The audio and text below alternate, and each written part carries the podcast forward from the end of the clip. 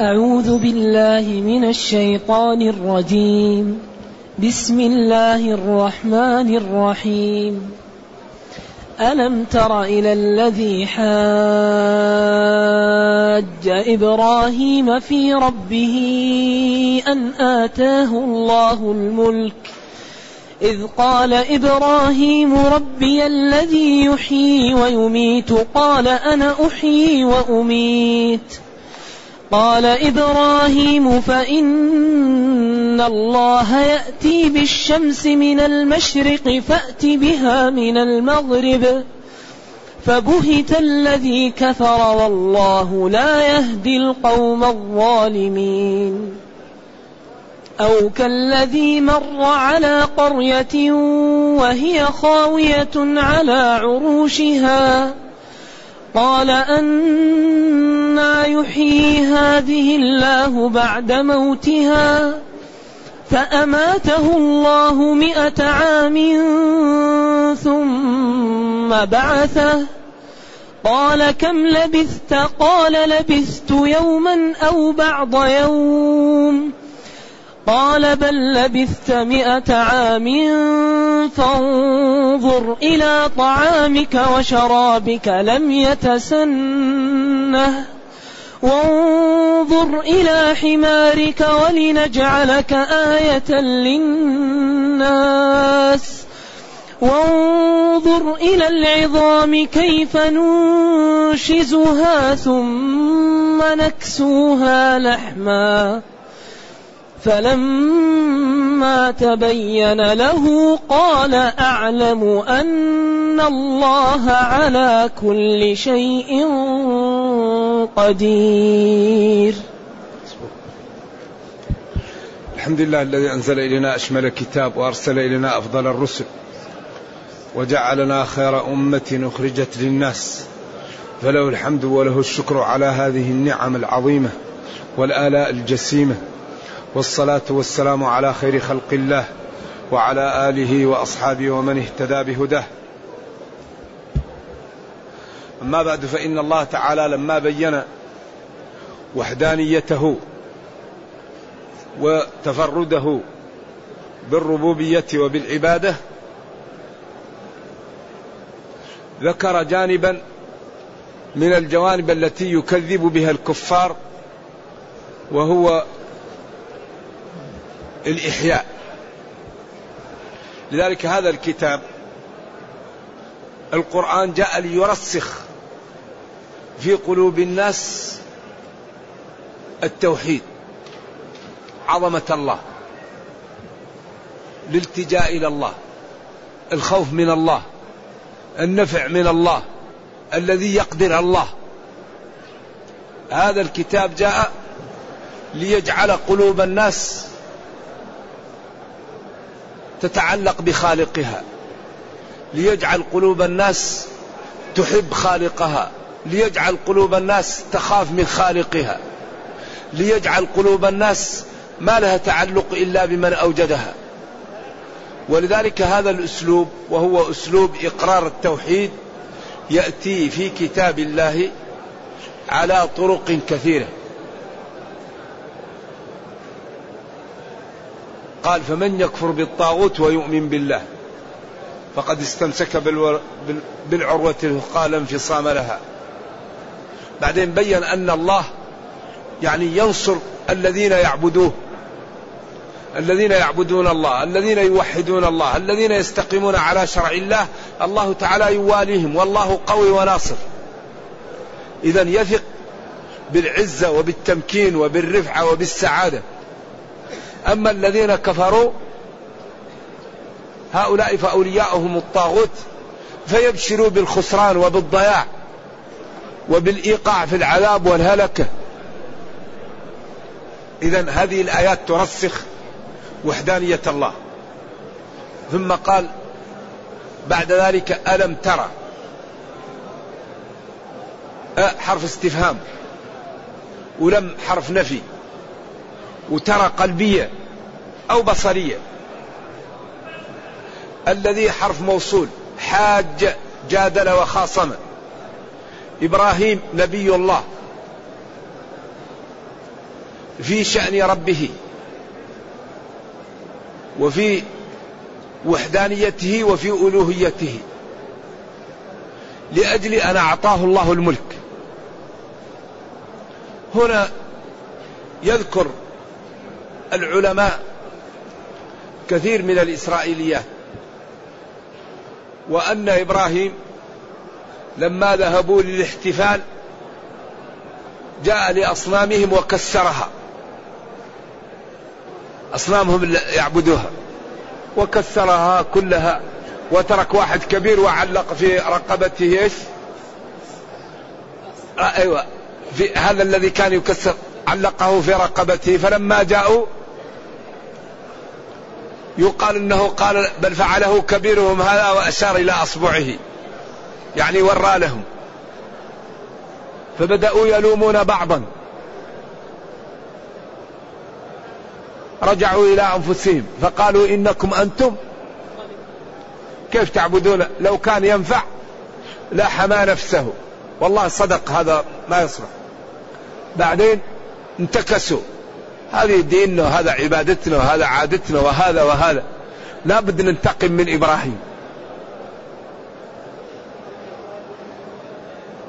بعدين أخذوا جب وحطوا فيه الحطب الحطب الحطب حتى لا يستطيعوا أن يصلوه إلا بالمنجنيق. وحطوا إبراهيم في منجنيق ورموه. قال الله كوني بردا. قال للنار كوني بردا.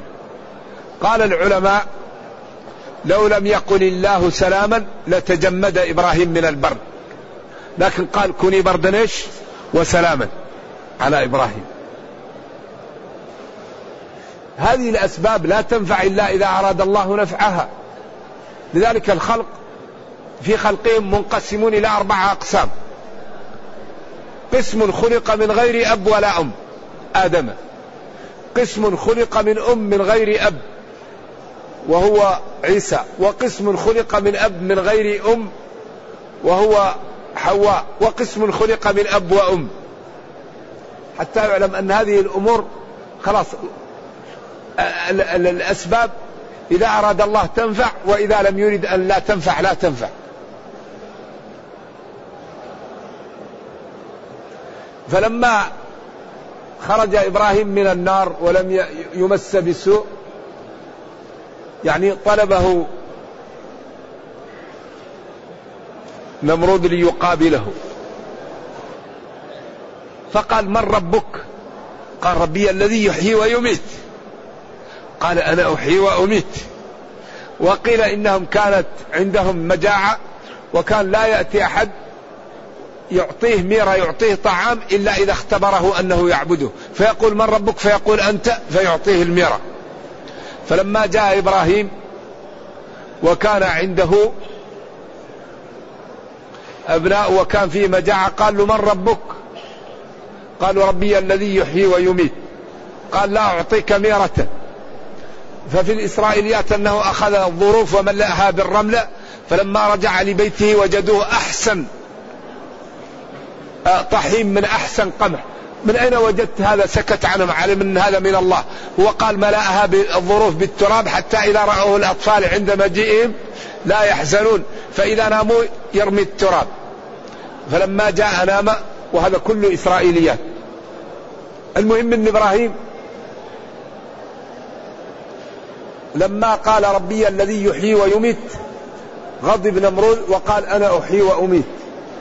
ويقال جاء بواحد كان محكوم عليه بالقتل وقال له أنت تركت وجاء بالثاني وقتله. إبراهيم لم يقل له هذا ما هو قتل وهذا كذا. لأن في العبارة فيها حقيقة وفي تجوز في العبارة الذي يقال له المجاز يعني التوسع في العبارة. فإبراهيم بدل من أن يذهب معه في هذا الجانب أو وجد أنه هذا واضح فأتاه بحجة أخرى. قال له طيب إن الله يأتي بالشمس؟ من المشرق فأتي بها من المغرب. ولذلك قالوا إن نمرود الله حجبه. يعني قامت فبهت وإلا كان يمكن يغالط يقول طيب أنا اللي جبت الشمس من المشرق. خليه يأتي بها هو من المغرب. لكن عظم من قدرة الله أنه لو قال هذا لسيفتضح أكثر. فهنا بهت. وقيل صرفه الله بهذا. والبهت هو ما يصل للإنسان من أن يرى شيئا ما كان يتوقعه. فيأتيك الأمر ما كنت تتوقعه فيصيبك نوع من الذهول ونوع من يعني البهت. لا يمكن أن تتكلم ولا يمكن أن تجيب. ولذلك بهت الذي كفر وانقطع. بهت يبهت أو بهت يبهت أو بهت. يعني بهت أقل. انقطع ولم يبق عنده حجة. إذا هذا الكلام يفهم منه أن الذي يضل ينبغي أن يجادل بالتي هي أحسن وينبغي أن تبين له الحجة وأن لا يترك حتى يبين له فإن كان هو يريد أن يلبس تظهر تظهر الحجة وتقوى حتى لا يستفيد منه لا يستفيد من غيره. ولذلك هذا الدين كله قائم على الإقناع الإسلام من أوله إلى آخره القرآن براهين. أم خلقوا من غير شيء؟ أم هم الخالقون؟ أم خلقوا السماوات والأرض؟ كل ذلك لم يقع. إذا في قوة خلقتكم هي الله اعبدوها. وأفردوها بالعبادة ونفذوا أوامرها واجتنبوا نواهيها. لو كان فيهما آلهة إلا الله لفسدتا. إذا لم تفسدا إذا ليس في إله إلا إله واحد. ما اتخذ الله من ولد وما كان معه من إله إذا لذهب كل إله بما خلق ولا على بعضهم على بعض. سبحان الله عما يصفون عالم الغيب والشهادة فتعالى عما يشركون. لا يستحيل أن يكون في الكون إلا إله واحد. لأنه لو كان الآن ولله المثل الأعلى السيارة لو لها قائدان ما لا يقع. على طول تنقلب أو تقع فيه لأن هذا يريد يمشي كذا وهذا يمشي كذا هذا يريد أن يمشي هذا يريد أن يوقفه. واحد يريد الظلام واحد يريد النور. لو نعم. إذا لو كان فيهما آلهة إلا الله لفسدتا ما يمكن. إذا قال إبراهيم ربي الله. إضافة تشريف الذي يحيي. من أشاء أحياه ويميت من أشاء إماتته ولذلك وجود سر الحياة هذا لا يملكه إلا الله ولذلك قدمه لأنه هو الذي ينكره. أهل عصره وهم الذين يقولون إذا مات لا لا لا يبعث.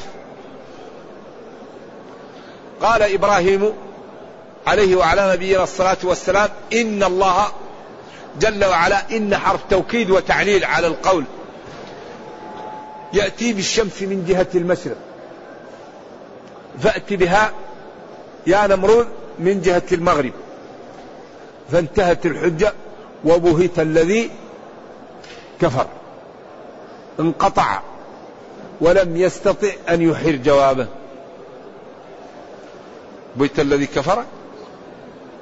والله جل وعلا لا يهدي القوم الظالمين. لا يهديهم لا يوفقهم.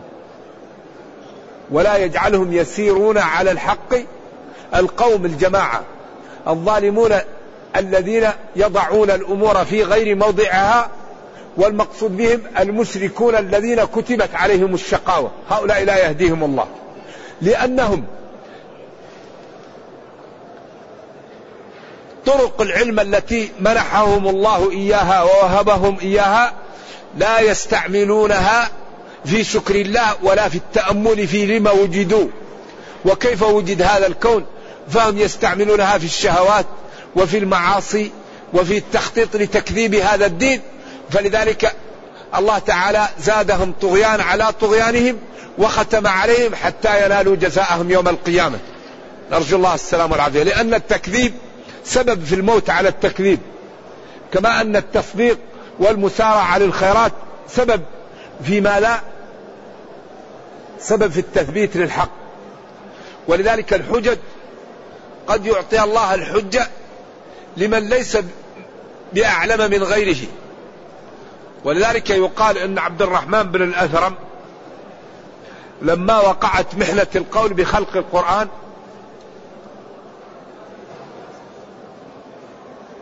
ووقع لأحمد ما وقع. حتى قال نفعني الله بلص في السجن قال لي يا أحمد أثبت لأنك أنت على الحق. أنا الآن فعلا لص وأضرب لأقر فلا أقر. وأنت إمام أهل السنة فلا بد تثبت على الحق. قال نفعني الله بلص في السجن. ثبتني يقول الإمام أحمد. فلما جاء عبد الرحمن بن الأثرم مكتف وقال له ابن أبي دؤاد ما تقول في القرآن؟ قال ما أنصفتني. أنا المكبل بالحديد هو الذي لي أن نسأل. قالوا أسأل. فأجلوا السؤال حتى جاء الواثق. كان هو الخليفة العباسي في تلك الأيام. فلما جاء الواثق قال له عبد الرحمن السلام عليك يا أمير المؤمنين. قال له لا عليك السلام. قال له بئس ما أدبك مؤدبك يا أمير المؤمنين. الله يقول وإذا حييتم بتحية فحيوا بأحسن منها أو ردها. أنت والله ما حييت بأحسن منها ولا رددتها. قال له اتركني من هذا. ما تقول في القرآن؟ قال أنا المكبل هو الذي للسؤال. ما هو لكم؟ قال اسأل. فجاء ابن أبي دؤاد. وقال له مقالتك هذه التي تدعو الناس إليها. علمها رسول الله أم جهلها؟ قال له جهلها. قال ما شاء الله ما شاء الله. علمها ابن أبي دؤاد وجهلها محمد صلى الله عليه وسلم. فقال له أقلني والمناورة على طريقها. قال له أقلتك. فعاد عليه السؤال. قال له علمها ولم يدعو الناس إليها. قال له ألم يسع ابن أبي دؤاد في أمة محمد صلى الله عليه وسلم ما وسع محمدا في أمته. فراح الواثق وخرج ونام على ظهره وقال جهلها رسول الله علمها ابن أبي دؤاد. ما شاء الله ما شاء الله. علمها رسول الله ولم يدعو الناس إليها. ألم يسع ابن أبي دؤاد في أمة محمد؟ ما وسع محمدا في أمته.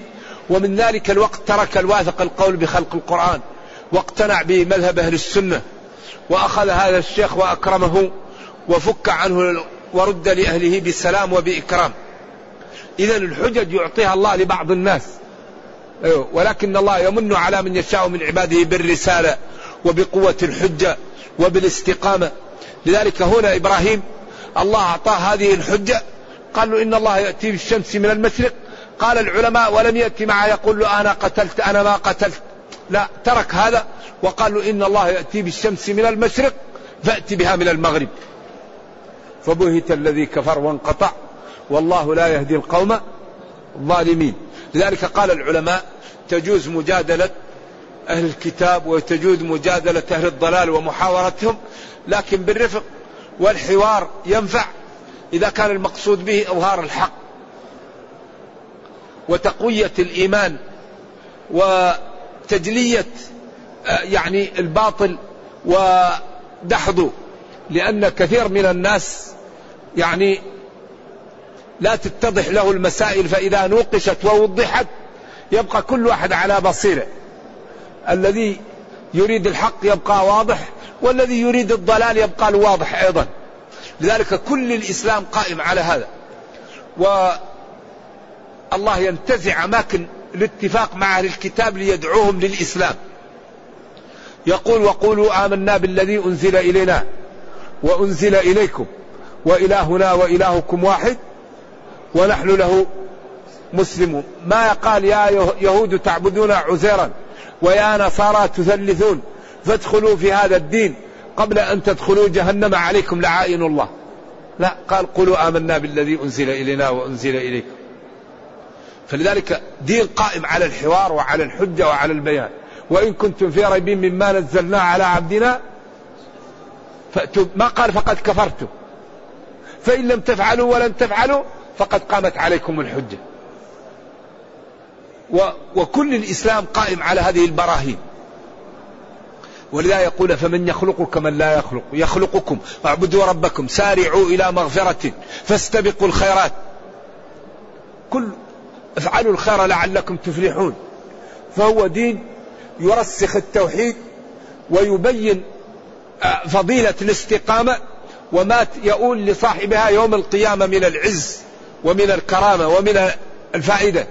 ويكره في الكفر ويبين ما يؤول لصاحبه من الخسران ومن أعوذ بالله الفضيحة ومن العقوبة. فكل الإسلام هذا الكتاب قائم على هذا. قائم على الترغيب والترهيب قائم على إكرام المتقين عقوبة المجرمين قائم على وصف المتقين قائم على وصف المجرمين قائم على تعريف المتقين لأحكامهم وما لا يجب عليهم وقائم على تعريفهم بقصص من اتقى وكيف نجا وقصص من هلك وكيف هلك. إذا هذا كتاب لا يأتيه الباطل من بين يديه ولا من خلفه تنزيل من حكيم حميد. إذا حري بنا أن نعطيه الوقت. نحفظه نفهمه نتأمله نتمثله نطبق أوامره نكف عن نواهيه. فإذا فعلنا ذلك رفعنا الله بهذا الكتاب. ولذلك هذا الكتاب الله يرفع به أقوام إيش؟ ويضع به آخرين.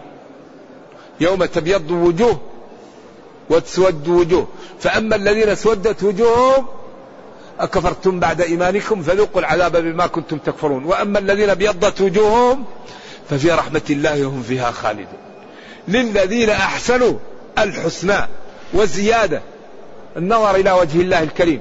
ولا ترهقوا وجوههم قتر ولا ذلة. الكافر في وجهه القتر المجرم في وجهه القتر الذل في جبينه.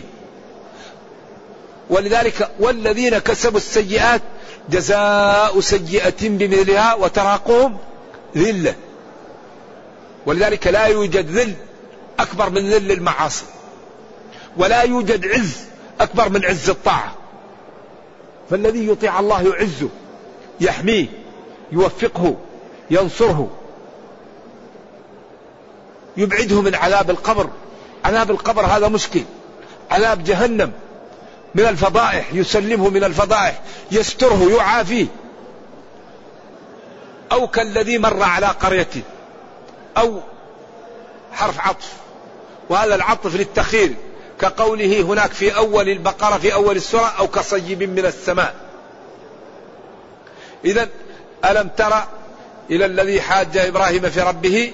أو أرى أو رأيت الذي مر على قريته؟ وهذا لتأصيل البعث. لأن البعث عند كثير من الناس فيه مشكلة. وكثيرا ما يضرب الله الأمثال في القرآن بإحياء الأرض. كذلك النشور كذلك تبعثون. نعم. فكثيرا ما يبين أنه لما أحيا الأرض يمكن يحيي الأموات. فإذا أنزلنا عليها الماء اهتزت وربت.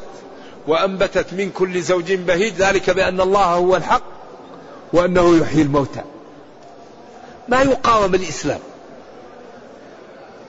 إذا حري بنا أن نتفهمه حري بنا أن نعطيه الوقت. نقرأ فيه. وقال الرسول يا رب إن قومي اتخذوا هذا القرآن مهجورا. فينبغي أن لا نهجر القرآن. ينبغي أن نتمثله. ينبغي أن نظهر للناس جماله في حياتنا. ولذلك إذا تمثلنا هذا الدين أعداؤنا يدخلون في الإسلام. أكبر قوة عندنا أن نتمثل الإسلام إذا تمثلنا الدين من يستطيع لنا؟ الله غالب الله قاهر الله كريم الله قادر. الله لا يضيع أجر من أحسن عملا. ولا ينصرن الله من ينصره. إذا لما لا نأخذ كتابنا وننصر ديننا ونمتثل فيه والله يعطينا ما نشاء. من يريد الدنيا تعطى له ومن يريد الآخرة تعطى له ومن يريدهما معا تعطى له لأن الله كريم ويقول إن الله لا يضيع ولا ينصرن الله ولا تخفى عليه خافية. لذلك العامل لا يمكن أن يعطيه أجره إلا الله. أي إنسان تشتغل له يستحيل ما يقدر يعطيك الأجر كامل. لأن فيه جانب من الأجر مخبوء لا يعلمه إلا الله وهو ما يكون في القلب من الإخلاص. مثلا واحد كلفته بعمل هو يشتغل لكن يمكن يشتغل وفي قلبه يتمنى أن العمل ما يصلح ولكن في قلبه يتمنى أن العمل يكون طيب. ففي القلب هذا ينبغي يكون عليه جزء من إيش؟ من الأجرة وهو الإخلاص. هذا لا يمكن يعطيك هو إلا الله لأن هذا محجوب عن الناس. أما الله هو الذي يعطيك حقك كاملا لأنه يعلم عملك الظاهر ويعمل ويعلم ما في قلبك من الباطن من الغش أو من الصدق. إذا العاقل والرشيد يشتغل لمن يعطيه إيش؟ الأجر. ما يمكن يعطيك أجرك إلا الله. غير الله عاجز لأنه يجهل. أما الله عالم فيعطيك الحق كامل ولا يضيع أجر من أحسن عملا فحري بنا أن نعمل لربنا. وثقوا تماما أن الله لا يقبل إلا ما كان له. نحن الآن لا زلنا في الدنيا. فالله لا يقبل إلا ما كان له. خالصا. فينبغي لكل واحد منا أن يكابد الإخلاص. يسأل الله الإخلاص. يجعل جزء من أعماله لا يطلع عليه إلا الله. من صدقة ومن صوم ومن ذكر ومن استغفار وبالأخص ما ليس بواجب. لأن الأعمال الغير واجبة سترها أفضل إلا لمن هو قدوة للناس. يظهرها لكي يكون قدوة للناس في الخير. أما من استطاع أن يخفي أعماله وبالأخص في هذا الزمن فذلك خير له كما قال تعالى إن تبدوا الصدقات فنعم ما هي وإن تخفوها وتؤتوها الفقراء فهو خير لكم. والله ديننا جميل. إذا أو كالذي مر على قريته. الذي مر على قرية للعلماء في ثلاثة أقوال. قيل عزير وقيل أرمياء وقيل الخضر وقيل أن الخضر هو أرمياء. وابن جرير الطبري يقول كل الأقوال التي قيلت لا دليل يرجحها ومعرفة ذلك لم يطالبنا بها ربنا وإنما المقصود من القصة قدرة الله وإحياؤه للأموات. أما معرفة من حصل له ذلك فهذا لم يتعبدنا الله به ولا يتعلق به حكم في القضية. فكل من الأقوال جائز أن يكون ولا دليل صحيح نرجح به ذلك فنتوقف عن الترجيح لعدم وجود دليل ناهض للترجيح. أو كالذي مر مر على قريته المرور هو أن يمشي الإنسان ويكون في طريقه شيء ويتعداه يقال مر عليه. القرية من التخري وهو ما يكون فيه الناس. خاوية قيل ساقطة وقيل لا سكان فيها. والظاهر أنها فيها الاثنين لأنه قال على عروشها.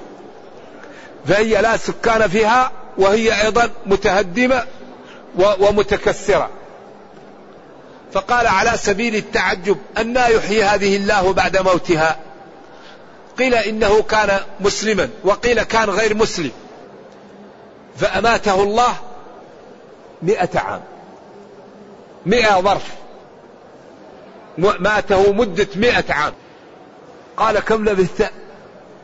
فنظر إلى الشمس. هو مات في أول النهار. وبعثه الله في آخر النهار. فلما نظر إلى الشمس قال لبثت يوما. فلما رأى الشمس لا زالت حية قال أو بعض يومي.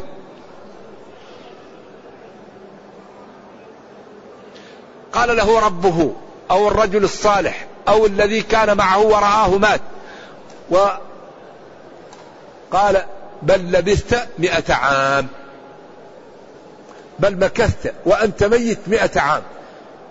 فهنا تأمل إلى قدرة ربك وإلى القدرة الهائلة. فانظر إلى طعامك. كان تينا طعامه كان تينا وعنبا.